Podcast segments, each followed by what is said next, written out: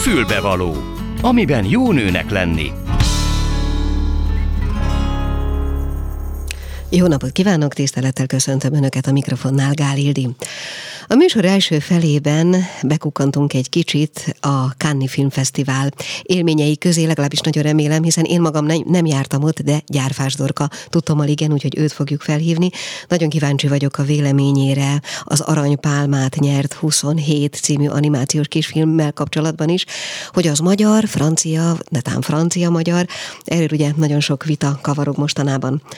Aztán körülnézünk egy kicsit egy sokak által magyarnak mondott étel a lecsó kapcsán, egy nemzetközi körképet raktam össze gyorsan, hiszen mindenkinek van lecsó receptje, itt a nyár, ilyenkor készítjük el ezt a leggyakrabban, bár sokak szerint érdemesebb télen fogyasztani, majd erről is mondok néhány dolgot. Aztán a félkettes hírek után itt lesz a Menhely Alapítvány képviseletében Krajcsovics Balázs és Fazekas Mara, akik egy program, program lezárultával fognak beszélgetni velem. Volt egy három éves pályázat, pályázat, amelynek keretében olyan hajléktalanokat, akik hát erre körülményeiknél fogva alkalmasak voltak, juttattak ők albérleti helyzetbe, ez három évre szólt, ez a három év most lejár. Kíváncsi vagyok egyrészt az eredményekre, másrészt azoknak, akiknek erre lehetőségük volt a további életére, milyen tervekkel és mivel gazdálkodhatnak, illetve beszélgetünk még egy speciálisan női csoportról is, amelyet szintén a Menhely Alapítvány kezdeményezett azoknak a számára, akik a hajléktalanságból kifelé haladva kifejezetten speciális női problémákkal vagy azokkal is szembesülnek. Így néz ki tehát a mai fülbevaló, úgyhogy lássuk is. A Klubrádió női magazinja tényleg fülbevaló. És köszöntöm a vonalban Gyárfás Dorkát. Halló! Sziasztok, vagy szia, és jó napot kívánok a hallgatóknak. Szia, jól tudom ugye, hogy te megjártad Kánt, a filmfesztivált. Igen, igen, idén volt életemben először ehhez szerencsém, úgyhogy most már én is tudom, milyen a Cannes pörgés. Na hát akkor mindenek előtt az élményeidre volnék kíváncsi, és utána természetesen a magyar, francia, francia-magyar kisfilmre, ugye a díjnyertes kisfilmre. Szóval milyen volt?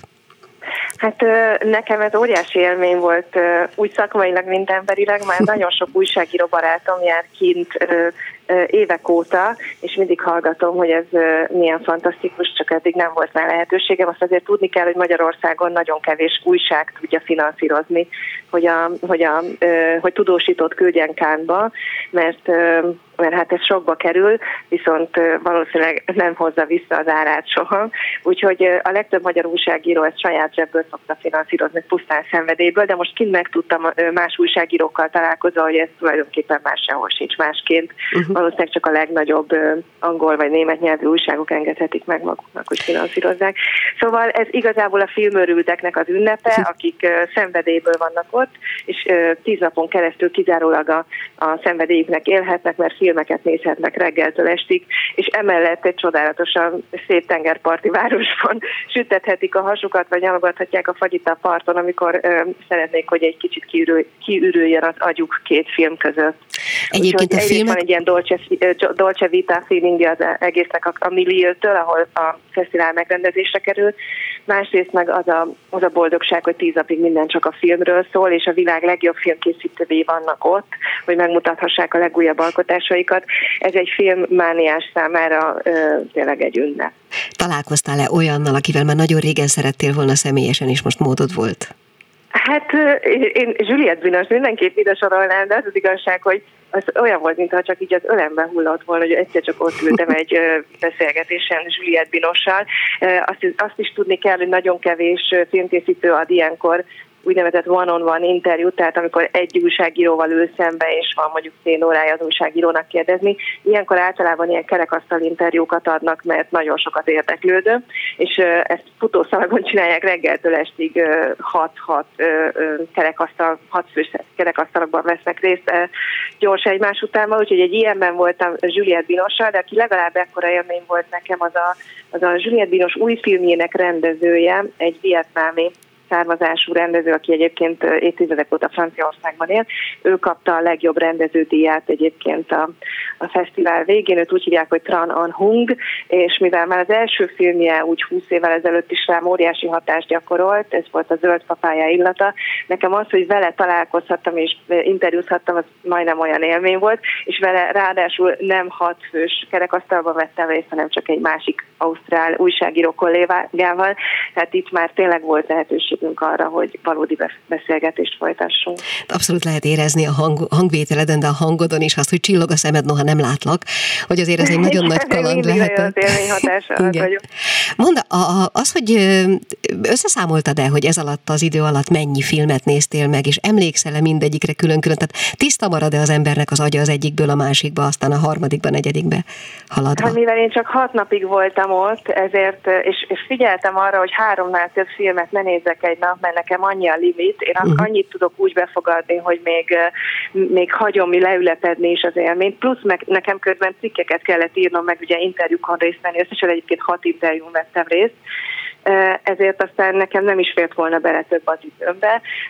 Úgyhogy én most még azt tudom mondani, hogy emlékszem mindegyikre, hogyha ezt most leosztjuk napokra, mondjuk az első napon csak két filmet láttam, mert nem reggel érkeztem, nem is tudom, tizenvalahány filmet láttam, de abszolút emlékszem rájuk, és mindegyik, mindegyiket vissza tudom idézni. És nagyon kevés volt közte olyan, ami nem volt jó élmény, hanem mondjuk maximum közepes, rossz meg olyan egyáltalán nem volt, és ezt a kollégák is mondják, hogy ez most egy kivételesen erős mezőny volt idén Kámban, és nagyon jó volt filmet nézni éppen emiatt. Egymással az újságírók mennyire osztjátok meg az élményeket egy-egy film után? Hát ez benne jó, hogy, hogy mindenki megosztja, mint hogyha egyet lehet beszélgetni idegen újságírókkal is, aki melléd ül, mert ugye legtöbben egyedül nézünk filmet, mert még a magyar barátokkal is mindenki más vetítésre foglal jegyet, máshogy állítja össze a napirendjét.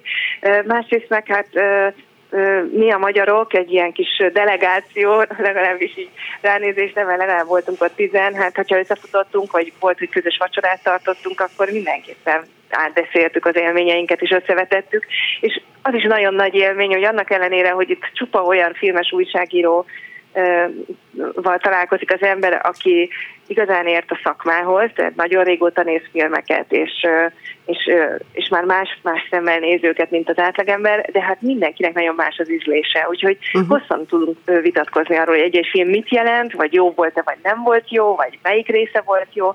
Ez, ez az egyik legjobb dolog az egészben. hogy képzeljem el azt, amitől ez úgy igazán fesztivál, tehát azt a pörgést, amitől, amitől ez az, ami mondjuk az estéket, vagy mondjuk nem is tudom, mire gondoljak pontosan, tehát hogy amitől csillog a szemed.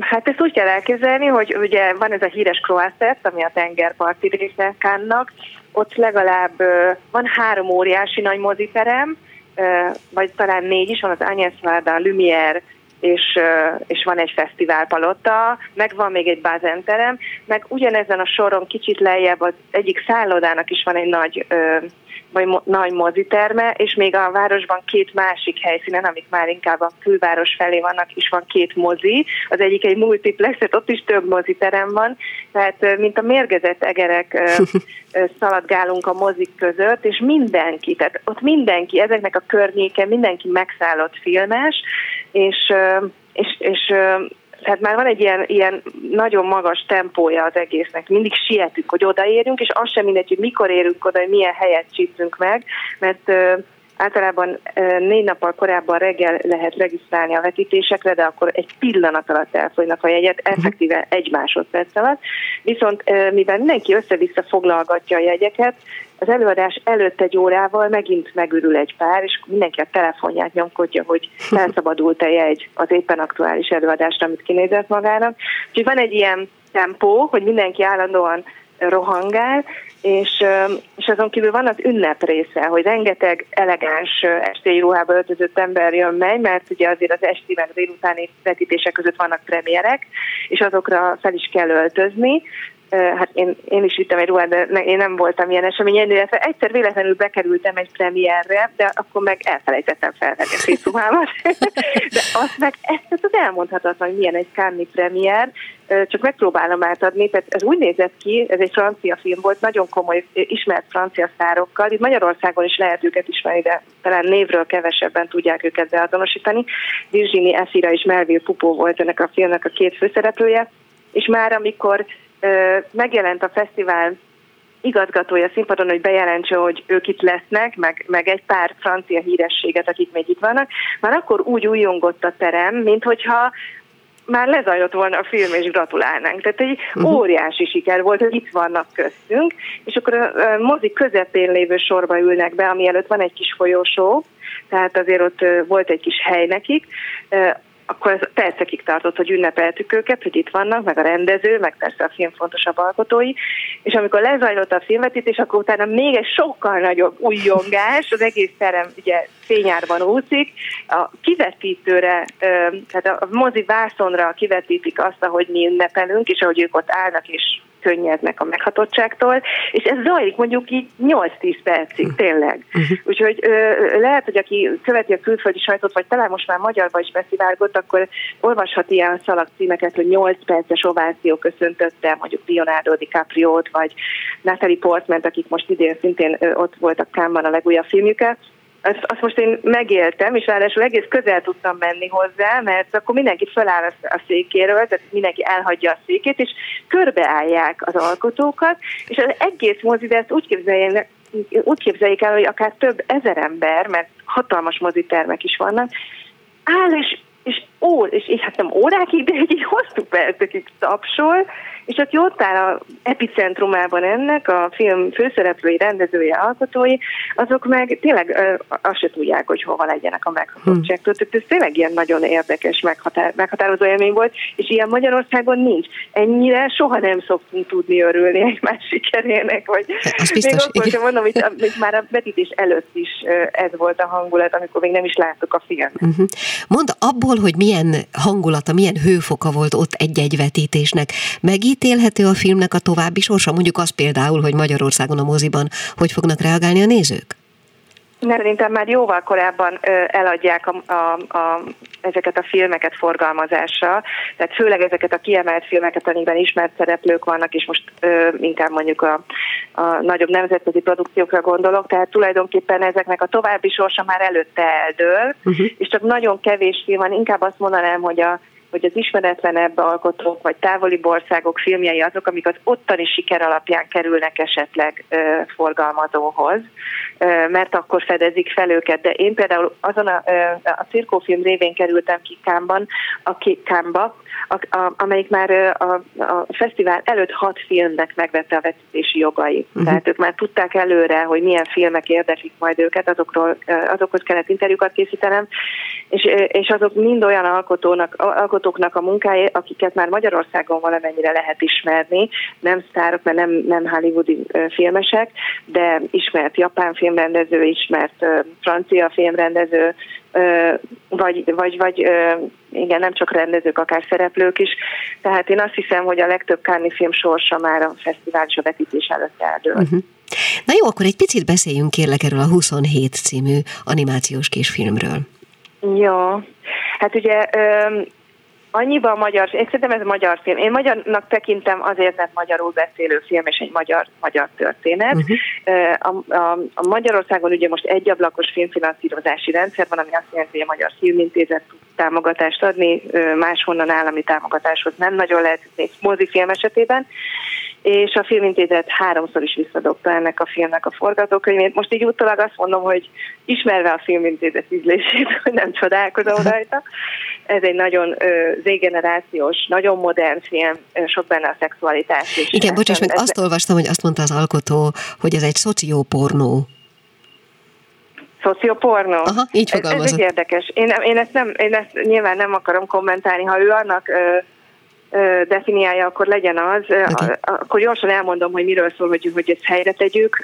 Egy 27 éves lányról szól, aki kénytelen visszaköltözni a szüleihez, mert nincsen nincsen pénze saját lakbért fizetni. Valószínűleg ez, ez, ez azért nem ilyen explicit módon derül ki, de mint tudjuk, ma nagyon nehéz a fiatalok lakhatását megoldani, mert az egekben vannak a bérleti díjak, és tehát egy ilyen lányról szól, aki visszaköltözik a szüleihez, és közben meg, mint egy rendes fiatal non-stop a szexről vagy a párkapcsolatokról ábrándozik, és szeretne együtt lenni valakivel, egyébként ez egy biszexuális, ha jól veszem ki, akkor vagy egy biszexuális, vagy egy leszbikus lány a főszereplője, uh-huh. és, és hát így, így a szülőknél már ezt is nehéz megoldani, tehát magát a, a vágyait hova tegye, meg bulizni, elmenni innen, meg ide hazajönni, meg minden, tehát egy, egy ilyen ilyen válságos fiatalkori életérzést ír le ez a film. És én azért mondtam, hogy a filmintézet nem, tám, tehát nem csodálkozom, hogy nem támogatja, mert, mert hát nem a progresszív irányba megy a filmintézet, úgy tűnik, hanem, hát hanem ugye nagy történelmi tablókat várnak az alkotóktól, és hát ez semmi nem állhat távolabb tőle, mint a 27 című film. Uh-huh. Az alkotóval beszélgettél? Nem, nem, én nem, nem találkoztam vele, illetve a, a, a producerével találkoztam Osvárd Gáborral, de vele sem interjút készítettem, uh-huh. hanem csak privát találkoztunk. De, de hát nem tudom, hogy hol. Én kérdeztem már a Osvár Gábort akkor, hogy, hogy hol lehet majd látni ezt a filmet Magyarországon, és ő például azt mondta, hogy ott fog eldőlni, hogy hova tudják eladni. Na például egy ilyen kisfilm esetében nagyon sokat számít, hogy egy ilyen díjat nyert, tehát ez, rettenetesen meg tudja dobni az esélyeit a, arra, hogy eljusson a közönséghez. De egyébként nyilván a rövid, az animációs rövidfilm az nem az a kategória, ami nagyon gyakran megjelenik a mozik kínálatában. Kísérőfilmként tud ö, uh-huh. ö, megjelenni. Régen egy-egy kísérőfilm volt példa, ez is nagyon ritka sajnos, hogy egy nagy film előtt megnézünk egy, egy, egy ismert vagy, vagy sikeres kísérőfilmet. Én nagyon remélem, hogy így talán lehet majd látni Magyarországon. Ez biztos, hogy 16 pluszos besorolás fog kapni szerintem. Hát minden esetre akkor is izgalmas, meg izgalmas a körülötte kialakult légkör is. Én most csak ugye az itthoni visszhangokat láttam, vagy olvastam utána. Én most engedlek téged tovább repülni, mert gondolom, gondolom, hogy ez most még úgy szól, hogy a felhők fölött vagy nem tudom hány méterre, legalábbis hát azt érzékelem. a Tényleg olyan, hogy kiszakadtam volna egy hétre is valami alternatív univerzumban éltem volna, és most próbálom felvenni azt vonalat van. Kicsit azért őrizzél meg ebből a napfényből, jó? Ami, jó, ami ott jó, jó, jó, Nagyon szépen, szépen köszönöm. Gyárfás hallották, köszönöm, szia. Én is köszönöm. Mi kell a nőnek? Egy fülbevaló. És hát én úgy terveztem, hogy egy kicsit a lecsó ügyben körbejárjuk a világot, de hát lehet, hogy olyan nagyon sok időnk erre már nem lesz, azért ha megengedik, néhány dolgot mégiscsak összeszedtem. Ugye sokan gondoljuk azt, hogy a lecsó az csak a miénk, már hogy kizárólag magyar étel, sőt hungarikumnak is gondoljuk bizonyos szempontokból, arról nem beszélve, hogy kinek-kinek megvan a maga nyári lecsó receptje, akár bográcsban, erre egyébként férfiak szoktak nagyon büszkék lenni. Minden esetre én most hoztam néhányat azokból a receptekből, ahogy külföldön készítik a, mondjuk így, hogy az összetevők alapján nagyon hasonló ételt. A lecsó egyébként hagyományos 20. századi magyar étel, tehát ilyen értelemben a klasszikusok közé tartozik, a nyár kihagyhatatlan étele. És hát azért azt tudjuk, hogy a paprika és a paradicsom mindkettő az új világból származik, ilyen értelemben azért kijelenthetjük, hogy nem hagyományos ősi magyar recept. Krúdi szerint egyébként nyáron paprikát és paradicsomot, télen azonban lecsót kell enni. A legjobb legtöbb publikált recept szerint a legáltalánosabb módon elkészített lecsó tartalmaz egy rész makói hagymát, ami azért mégiscsak hungarikum, két rész érett paradicsomot és négy rész roppanos fehér húsú cecei paprikát, zöld paprikát, ami egyébként szintén hungarikum. Fehér Béla író megfogalmazása szerint a lecsó a magyar gasztronómia mezitlábas gyalogosa. Na nézzünk egy kicsit messzebbre. Például itt van a saksuka, ami a közel-kelet lecsója. A saksuka alapvetően reggelire kínált étel, amely a falafel és a humusz legnagyobb versenytársa a legjobb izraeli étel címért. Továbbra is rejtély a saksuka története, és az, hogy miképp lett belőle Izrael egyik kedvenc étele. A saksuka lényegében azt jelenti, hogy mindent összekeverve, és ez tényleg így is van. Az étel, amely feltételezhetően Jemenből vagy Tunisból származik, paradicsom, paprika és hagyma keveréket tojással tálalva, és általában abban a vas serpenyőben szolgálják fel, amiben készült. Aztán itt van a dzsuvecs, a Balkán lecsója. A legfinomabb szerb rakott lecsót egyébként cserépedényben készítik rizssel, és nem ritkán hússal rétegezve. Ebbe is kerülhet paprika, hagyma, paradicsom trión belül, padlizsán, sőt zöldbab vagy akár zöldborsó is. A bosnyákok birkahússal, a szerbek sertéssel főzik, a bolgárok pedig rizs helyett krumplit tesznek bele. A dzsuvecs eredetileg a balkáni török konyhában használt különféle cserépedényeknek a neve, amelyből számos rakott pörk, amelyről számos rakott vagy pörköltételt is elneveztek. Aztán itt van a peperonáta, a szegények lecsója, ami egy olasz lecsó tulajdonképpen a hús hiánya miatt nevezik a szegények lecsójának lehetőleg többszínű kaliforniai paprikából készül fokhagymával, zellerrel, fehér és bazsalikommal. A peperonáta a legtöbb olasz régióban népszerű étel, amikor eljön a nyár, akkor előre elkészítve grillpartira is magukkal viszik, pirított kenyérrel vagy grillezett húsok mellé tálalva fogyasztják. Bár a recept régiónként változó, a peperonáta általában kapribogyóval vagy olajbogyóval, mentával vagy bazsalikommal készül, melegen és hidegen is fogyasztható. És végül a legnépszerűbb külföldinek mondott lecsó a ratatouille. Ő az egyik legismertebb lecsó, ugye francia, ahol padlizsán és cukkini is kerül az alapba. Kicsit ropogósabbra hagyják a zöldségeket, és az ízeket a kakukkfű hivatott megkoronázni. Elsősorban Provence-ban készítik, különösen Nidzában. A valódi ratatúj szaftos és olvadósan kompótszerű. A ratatújban a padlizsin, padlizsán vagy a cukkini a domináns, de sohasem a paprika. A ratatúj készítésének számos verziója létezik. Van, hogy az egyes zöldségeket külön-külön készítik el, a végén egyesítik, hosszabb, rövidebb ideig még együtt is párolják őket. Gyakori az apró kockára vágott zöldség, és az elkészítésében előfordulnak különböző módszerek is. Például van úgy, hogy a paradicsom nyersen vagy félig szárítva kerül bele, a padlizsán pirítva, a cukkini viszont blansírozva, a paprikák sütve és hámozva kevés kakukkfűvel, és végül hozzáadják az olívaolajat is. Na jó, hát körülbelül ennyit gondoltam. A lecsóról van még egyébként itt egy török lecsó is, na még gyorsan ebből egy picit. Az a neve, hogy menemen, ez a törökök lecsója, ez egy autentikus törökétel, alapanyaga a tojás, paradicsom, zöld paprika és a fűszerek, például a törött bors és az oregano, valamint a só persze. Adható hozzá vöröshagyma, fokhagyma, felvágottak akár, szóval nagyon sok mindenben eltér mondjuk a magyar receptől, de minden esetre érdemes az orsz, vagy a világ bármely részén, ha járunk, megkóstolni az ottani lecsót, aztán megállapítani, hogy a magyar a legjobb. Folytatódik a Klubrádió ékszere, a fülbevaló. Így van, megyünk tovább, most például valami egészen mással ahhoz képest, hogy így árfás dorka méterekkel a föld fölött volt. Mi most egy kicsit a realitás talaján maradva beszélgetünk Krajcsovics Balázsal és Fazekas Marával, mindketten a Menhely Alapítvány képviseletében ülnek itt a stúdióban. Ami a beszélgetés apropója, az egyrészt egy programon belüli női csoport, aminek Mara a vezetője, és amiről majd mindjárt beszélgetünk részletesen. Másrészt, hogy ezt a helyzetet, már mint azt, hogy zajlik ez a női csoport, keretbe helyezzük, és egyáltalán valamiféle rendszerbe. Arról Balást kérdezem, hogy jól tudom-e, hogy egy három éve zajló pályázatnak a végéhez közeledtek, azon belül működik a csoport is, illetve azon belül arról van szó, hogy hajléktalanságban élő embereket juttattok, hogy egyszerűen fogalmazzak albérleti lehetőséghez. Igen, jól tudod. Okay. Köszönöm, hogy itt lehetünk. Nagyon örülök, hogy újra meghívtál minket. Most már több egyszerre vagyunk ebben a műsorban, ami nagyszerű. Röviden a projektről azt tudom elmondani, hogy van egy szemlélet a hajléktalanság kezelésére, amit elsőként lakhatás szemléletnek hívnak. Ez egy észak-amerikai pszichiáter ötlete, elfogulatlanul tudom mondani, hogy a világ legjobb programja. Azon alapszik, hogy a lakhatás emberi jog, és nincsenek különféle lépcsői, mint a hagyományos hajléktalan ellátásnak, hogy utcáról éjjeli menedékhelyre, éjjeli menedékhelyről átmeneti szállóra, és aztán ki tudja hova, hanem az utcáról egyből a lakásba költöztetjük a hajléktalan embereket, és nagyon jó eredményeket érünk el.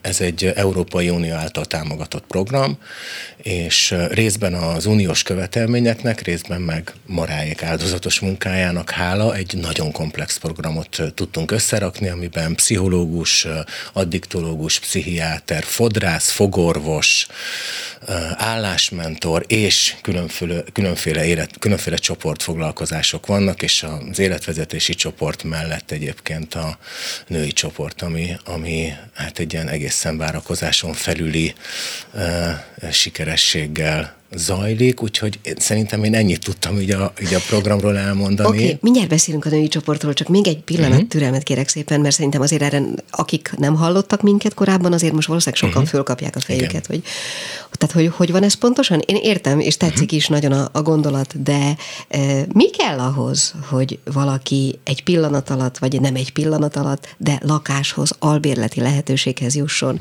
mondjuk egy olyan helyzetből, amiben nagyon nem jó lenni, és az utcán él? Uh-huh. Sam Cemberis, aki ez a, az észak-amerikai pszichiáter, a program kidolgozója volt, egy előadáson, ahol volt szerencsém jelen lenni, azt mondta, hogy az elsőként lakhatásban a lakhatás másodlagos. Az első a kapcsolat.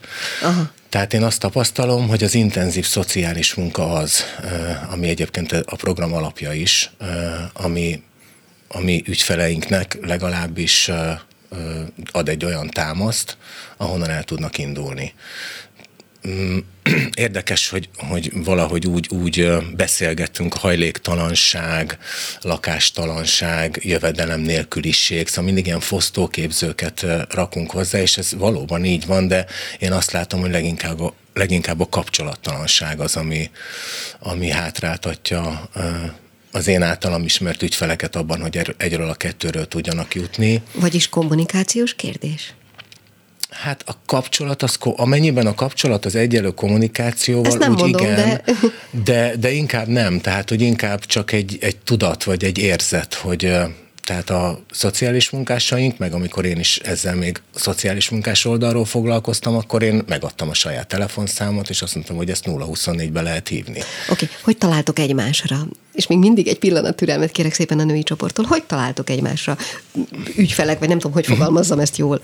Szociális munkás és ügyfél. Hogy Szociális munkás és ügyfél az utcai gondozó szolgálat segítségevel talál egymásra. Tehát az utcai gondozó szolgálat, akik járják a, a közterületeket, és ott kapcsolatot tartanak az ott lévő hajléktalan emberekkel, ők ajánlanak számunkra olyan ügyfeleket, akik legalábbis nem utasítják el azt, hogy kapcsolatba lépjenek velünk, mert hogy ez tök fontos, hogy sokféle kiválasztási stratégia létezik, hogy kiket válogatunk be a programba, de én a spanyol módszert szeretem a legjobban, ami az úgynevezett kalap módszer, tehát beledobáljuk a neveket egy kalapba és kihúzzuk, ugyanis ezen alapszik a módszer, tehát ez a lényege, hogy, hogy mindenki mindenkinek joga van ahhoz, hogy lakjon, és ehhez nem kell feltételeket teljesíteni.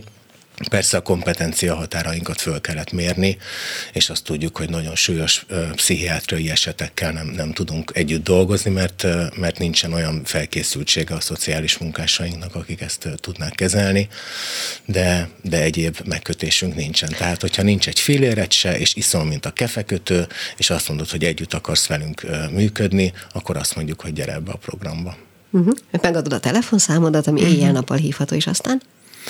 És aztán elkezdünk, van egy ilyen nagyon rövid, vagy hosszabb, rövidebb, inkább így mondom, előgondozási folyamat, amiben letapogatjuk egymást. Tehát, hogy most ez a program abban is szerencsés, hogy négy szociális munkás dolgozik a programban, és szinte nem a saját kútfönkből eredően, tehát még arra is lehet, lett volna lehetőség, illetve egy-két alkalommal volt is, amikor szociális munkás és kliens cseréltek, tehát nem, nem jöttek ki jól egymással. Tehát a, az elő, úgynevezett előgondozás, utálom ezt a szót, hogy gondozás, mert ezek nem gondozottak, ezek emberek, akik ilyen-olyan segítséget kérnek tőlünk.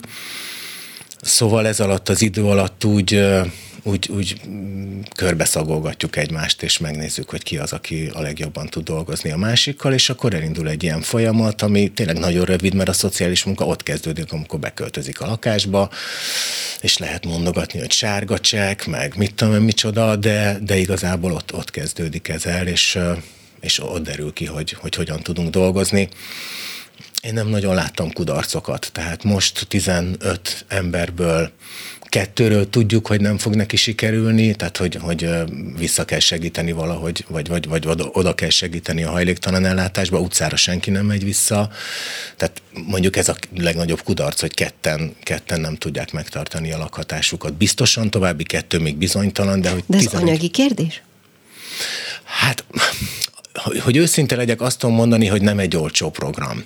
Tehát mondjuk világviszonylatban globálisan, meg hogyha adófizetést nézünk, meg egészségügyi vonatkozásait, akkor megtérülő program. De önmagában ez nem egy olcsó program, pláne így, hogy piaci albérletekben laknak most az ügyfeleink, mert annak idején, amikor a pályázatot írtuk, még nem volt arra mód, hogy nagyon együttműködjünk az önkormányzattal, most már simán lehetne, de ahhoz Szóval ez egy bonyolult dolog, hogy ez mi miatt nem sikerült.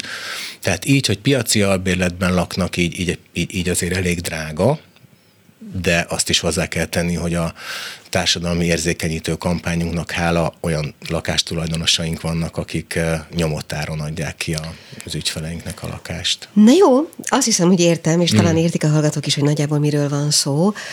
Egyébként arra vonatkozott a kérdés, és nem teljesen arra válaszoltál, mm. hogy akinek az a két ember mondjuk, aki nem tudja megtartani, annak anyagi oka van-e?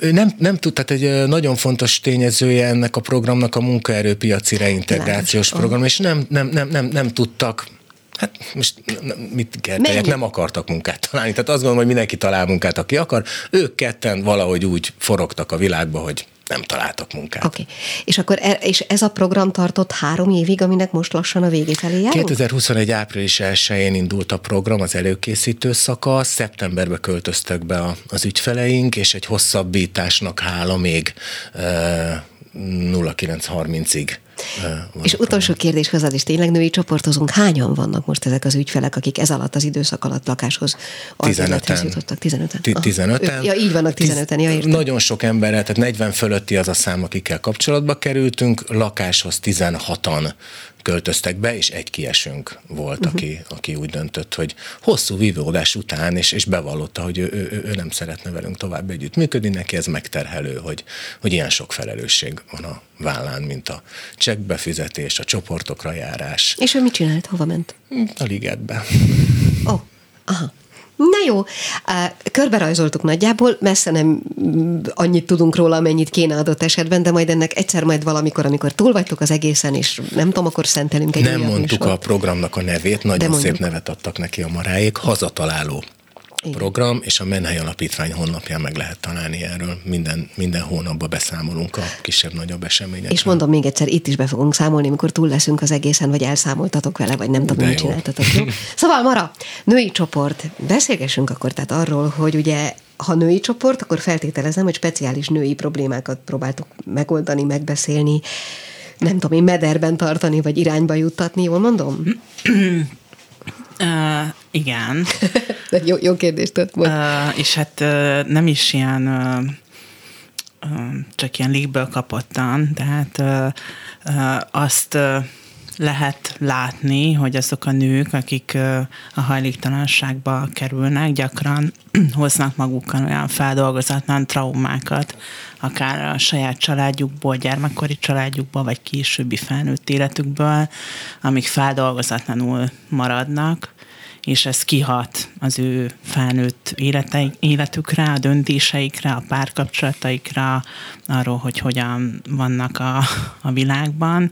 És, De összefüggésben akár a hajléktalansággal, mert szerintem nagyon sokan vagyunk úgy a világban, akik gyermekkori traumáktól szenvedve felnőttként is, hogy ez önmagában sok esetben kezelése szorul, persze, vagy, vagy mm. akár beszélgetés segít rajta, vagy egy csomó minden, de ez összefüggésben van-e a hajléktalanság? Összefüggésben van. Ja, hogy így. Uh-huh. Összefüggésben okay. Van. És ez így egyenesen, nyílegyenesen kideríthető. Hát sokszor ezek a nők nem nagyon tudnak róla beszélni, vagy mhm. kevés uh-huh. lehetőség van arra, hogy, hogy ők ezt elmeséljék valahol, vagy egy ilyen saját narratívát adjanak a saját történetüknek. Mert hogy szavaik se feltétlenül vannak hozzá. Igen, vagy Aha. azt sem tudják, hogy velük mi történt. Tehát nem biztos, hogy a fogalom az megvan ahhoz, hogy történt velük valami rossz, negatív dolog, és hogy ők ezt be tudják azonosítani, uh-huh. hogy, hogy ez micsoda.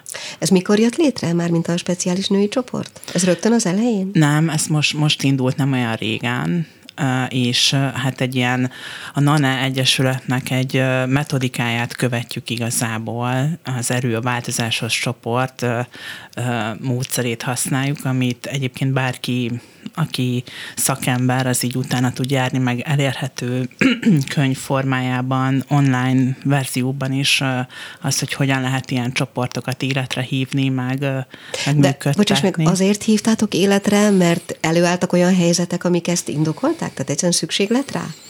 Uh, hát minden női ügyfél, aki csak öt, öten járnak, öt nő, és azt hiszem hatan vannak összesen a programban, Aha. ők mindannyian érintettek bántalmazás témában. Igen, ezt akartam kérdezni, hogy mondható a konkrét történetek? Nyilván nem névvel, címmel, telefonszámmal, mm. de mégis milyen típus történetek jönnek elő? Bocsánat, csak az előző kérdésre még egy picit reagálnék, hogy nem azért indítottuk be a csoportot, mert szükség volt rá, tehát eleve is ez bele volt tervezve, uh-huh. tehát tudtuk azt, tehát nem lukra futottunk azzal, hogy, hogy lesz olyan, akinek erre szüksége lesz, tehát már okay. marra készült erre, tehát ő beírta a programba, hogy lesz egy ilyen ez elő a változáshoz női csoport, tíz alkalom, tehát hogy ez egy nagyon konkrét Ja, csak abból gondoltam, volt. hogy nem az elején indult, hanem később is gondoltam, hát, hogy inkább ez a munkavállalási okay. procedúra volt az oka, hogy nem tudtuk okay. időbe elindítani, és, és meg, meg, meg az is nagyon érdekes egyébként, a Mara nem fogja magát sztárolni, de én sztárolom a Marát, hogy mindig van egy nagy ellenérzés a közösségi programmal kapcsolatban. Tehát ők nem, nem, nem, nem annyira, az ügyfeleink valahogy nem annyira akarnak közösségi programokra járni, egyrészt mert, mert látástól vakulásig dolgoznak,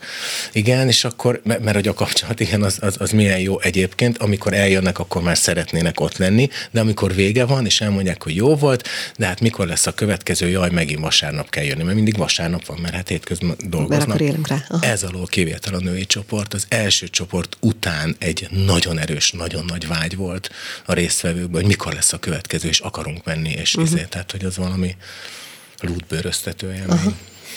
Na szóval Mara, kérlek szépen, hogy ott hagytuk abban, hogy milyen tipuk, tipikus problémák jönnek elő, ha ez elmesélhető. Hát azért elég, elég hamar így elmondták szinte minden, minden résztvevő, hogy gyermekkorukban, vagy a gyermekkorukhoz kapcsolódóan ugye szülői részről milyen bántalmazások érték őket, vagy nem tudom, ilyen extrém eset is, hogy, hogy valakinek a, a, az édesapja meggyilkolt az édesanyját, tehát hogy így elég komoly traumák, amik így szóba jöttek Szinte mindannyian megnyíltak már az első alkalommal, bár uh, ugye ez, ez is egy ilyen lehetőség, hogy ők csak annyit áruljanak el magukról minden alkalommal, amennyit ők szeretnének, és ez így megállapodás is közöttünk, hogy nem kérdezgetünk, meg nem vájkálunk, meg nem ilyen... Uh-huh. Ilyen Azt értem, hogy, hogy, hogy szakmai program, és hogy aki kíváncsi rá, hogy ennek mi a metódusa, az nézze meg, de engem az érdekel, hogy, hogy pontosan mondjuk a te szereped mi egy ilyen beszélgetés során most mondtad, hogy csak annyit, amennyit ők akarnak. De mm. mégis, hogy, tehát mitől mennek a dolgok előre, mitől oldódnak meg ezek a, ezek a feszültségek, mitől nyílnak meg az emberek? Tehát hogy megy, hogy megy a dolog előre? Hát azt gondolom, hogy a facilitátornak, ami én is vagyok, nem a vezetője vagyok, inkább okay. csak ilyen keretben tartója, Jó. hogy biztonságot teremtsek, tehát hogy olyan légkör legyen, amiben, amiben az emberek tudják, hogyha megnyílnak és a titkaik, a, a, az érzéseik, azok, amiket ők ott így megélnek, azok ott maradnak, és én nem fogom tovább vinni, vagy, vagy más módon visszajelni ezekkel uh-huh. a, a dolgokkal. Ők egymás között is, tehát hogy legyen egy olyan légkör, ami oldott, ami, ami, ami leveszi a terheiket egy picit, tehát azzal együtt, hogy nyilván empát, empátiával vagyok feléjük, és ők ezt így érzik, de mégis van egy ilyen oldottság, ez is fontos része, hogy, hogy azért picit ki tudjanak zökkenni, tudjunk együtt nevetni, tudjunk együtt, nem tudom, ebédelni, és ott is egy picit ilyen közvetlenebb légkör alakuljon ki, mert enélkül nem tud működni. De az elképzelhető, hogy egy-egy ilyen beszélgetés után, vagy akár egy tíz alkalmas, hogy ha jól értettem, azt mondtátok, egy mm. tíz alkalmas sorozat végén az ember másképp néz a saját problémáira, vagy akár meg-megoldódnak dolgok, vagy önmagára, vagy az önmaga szerepére egy kapcsolatban, a világban, a munkahelyen? Hát ez, nekem van ilyen reményem, hogy igen. Aha. nyilván ezt az ember nem tudja, valamennyire lehet így nyomon követni, mert van egy ilyen értékelési része is ennek a, a folyamatnak, tehát ők visszajelzést adnak nekem is arról, hogy számukra mit jelentett ez a program így félidőben is, meg a program végén is, vagy ennek a sorozatnak a végén de hogy igazából mi az, amit így el tud mélyíteni, az az életben derül ki. Ugye elég minden sok idő minden... kell hozzá, persze. Mm, sok minden e, érintünk. És az én a facilitátor szerepet is még egy kicsit körbejárnám, hogy ez arról is, az oké, hogy keretben tartod, de arról is szól, hogy azt mondják, hogy nekem ez és ez és ez is ez a problémám van, mire te azt mondod, hogy hát arra az a megoldás, hogy valószínűleg nem így van, hanem valószínűleg meghallgatod őket és?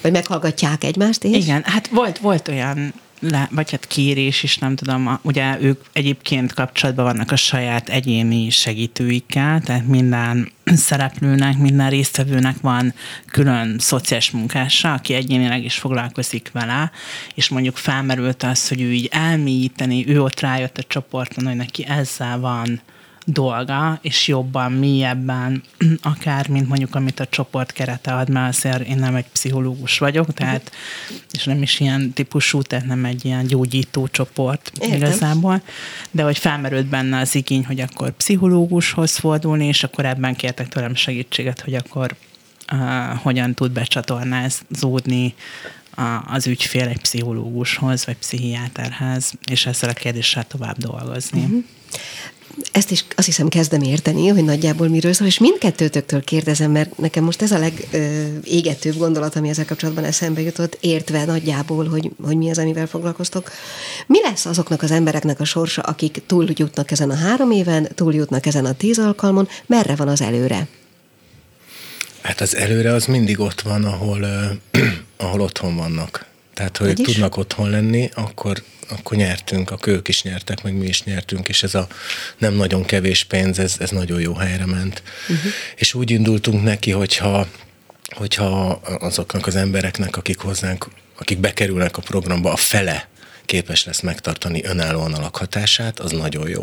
És ennél, ennél jobbak vagyunk most. Mi is uh-huh. csodálkozunk, de de, de jobbak vagyunk, mondjuk tényleg elég sok munka van benne, tehát a szociális munkásoknak, a pszichológusnak, a többi segítőnek, a megvalósítónak a munkája az benne van, és, és, és meg, meg, tehát ki tudják fizetni a, az albérletüket. Uh-huh. Anélkül, hogy nagyon bulváros lenne a mhm. kérdés, az, azon gondolkodom, hogy vannak-e közben hullámhegyek, hullámvölgyek, megingások, kiugrások, visszajövetelek, nem tudom én, tehát olyan extremitások beleférnek-e egy-egy ilyen mondjuk három éves történetbe, vagy akár csak egy tíz alkalmas történetbe is, ami egyébként a hétköznapokban lehet, hogy pályáról való letérést is okozna. Hát sok minden volt a programban az öngyilkossággal való fenyegetőzéstől kezdve a tajt részegen állásinterjún megjelenésig minden.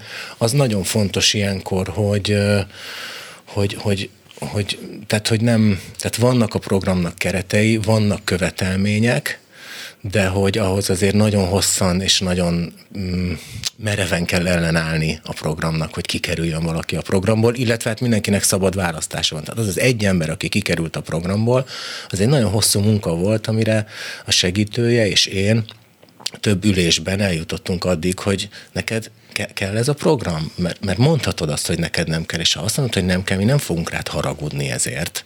Uh-huh.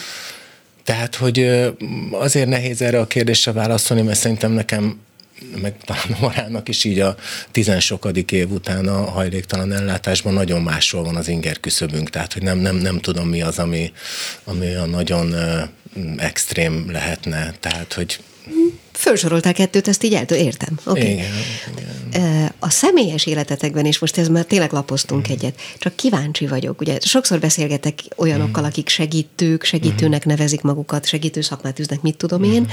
Minden esetben fölteszem azt a kérdést, hogy hogy áll a helyzet a fáradtsággal, az mm. elfáradással, a pihenéssel, a kikapcsolással, a 0-24-ben elérhetőséggel. Mm. Hm?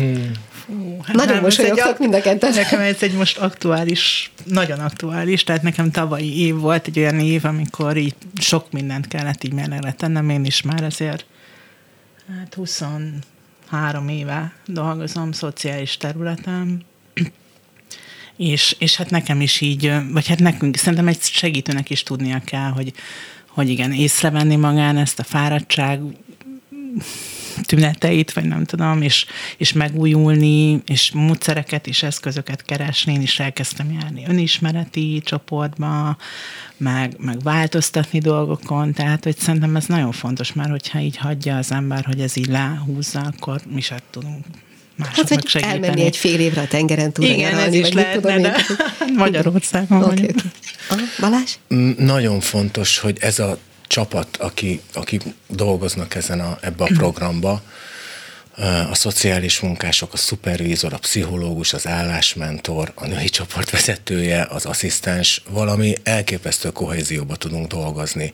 Nagyon ott vagyunk egymás mellett, tudunk veszekedni rohadt nagyokat, az egyéni szupervízió is van. Tulajdonképpen, hogyha bárki, aki jelzi, hogy neki most egy kicsit úgy elfáradt a, a projekt vezetőjét, vezetőjével nekem most egy nagy vitám volt a múlt héten, hogy már pedig ő ezen a héten nem jöhet be dolgozni, de hogy ezt, ezt, tehát, hogy ezt így le kell díleni, mert tehát, hogy szeretjük ezt a programot csinálni, egyikünknek se ez a főállása, tehát hogy, hogy azt gondolom, hogy ha a főállásomról kérdeznél, nem biztos, hogy ezt a lelkesedést látnád az arcomon, de ez a program, ez mindannyiunknak nagyon szívecsücske, hiszen mi más lehetne egy hajléktalan ellátásban dolgozó szakembernek a célja, mint hogy lakásba jutassa az ügyfelét. Hm. És hogyha ez az egész, ez a három éves periódus lezárul, illetve mondtad, hogy a pici hosszabbítással lezárul, utána? Hogy velük mi lesz, vagy velünk? Veletek, ne, ne, ne, ne, ne. most azt tudjuk, hogy velük mi lesz, vagy hát sejtjük, vagy már elmondtad. Veletek? Hát engem ez az elsőként lakhatást szemlélet, ez megfertőzött már jó pár évvel ezelőtt. Én 2005-ben hallottam erről el, először, és 2010-ben kezdtem el dolgozni egy másik szervezetnél. Tehát, hogy én, én valahogy úgy érzem, hogy én mindig meg fogom találni az ilyen-olyan utakat, hogy valami ilyen, vagy ehhez hasonló programban részt vegyek, vagy, vagy, vagy, vagy alakítsam alakítsunk így. Most egyébként be van adva több pályázata a Menhely Alapítványnak különböző lakásokra, úgyhogy én nagyon remélem, hogy, hogy lesz ilyesmire, vagy ehhez hasonlóra lehetőség. Mara? Hát én is csak csatlakoznék így a Balázshoz, hogy ezek az uniós projektek egy picit ilyen pilotként is tudnak működni, tehát hogy vannak olyan tevékenységek, szolgáltatások, amiket itt kipróbálunk, és hogyha az működőképes és tényleg hatékony, akkor azt így megpróbáljuk picit így átemelni a mindennapjainkba, vagy tovább éltetni ezeket a programtól függetlenül. Tehát, hogyha látjuk, hogy mi az, ami nagyon-nagyon jól működő dolog, akkor azt így tovább kell vinni, és erősíteni kell, és tovább kell csinálni. Hát. Azok között, a viszonyok között, amikre most már kifejtendő nincs idő, mert hogy egy percünk van hátra, de gondolom, hogy nem könnyű, és akkor ezzel még nem mondtam sokat. Mármint, hogy Magyarországon. Hát azt szoktuk mondani, hogy a Housing First magyar viszonyokra való adaptálása zajlik, és hál' Istennek nem, nem csak a Menhely Alapítvány, hanem számos egyéb szervezet is csinál már ilyen programokat, úgyhogy van remény, hogy, hogy ez megy tovább. Finnországban egyébként nem lehet más, hogy hajléktalan ellátást csinálni, csak elsőként lakhatásba. Hát ott is vannak ilyen-olyan megoldások, tehát a nagy hajléktalan szállóból sok pici apartman csinálnak, de de hogy igen, tehát hogy fontos az, hogy valakinek legyen otthon, a saját otthon, a privát tere és kapcsolatai. Hát nagyon szépen köszönöm. Én kívánom nektek, hogy maradjatok így, meg ilyen lelkesek, meg ilyen nem tudom, tehát tartson ki az erőtök, de az a helyzet, hogy két óra van és következnek a hírek. Köszönjük, hogy itt lehettünk. Ez Köszönjük. volt a mai fülbevaló. Gál Irit hallották a viszonthallásra. A Klubrádió nem csak nőknek szóló magazinját, a fülbevalót hallották.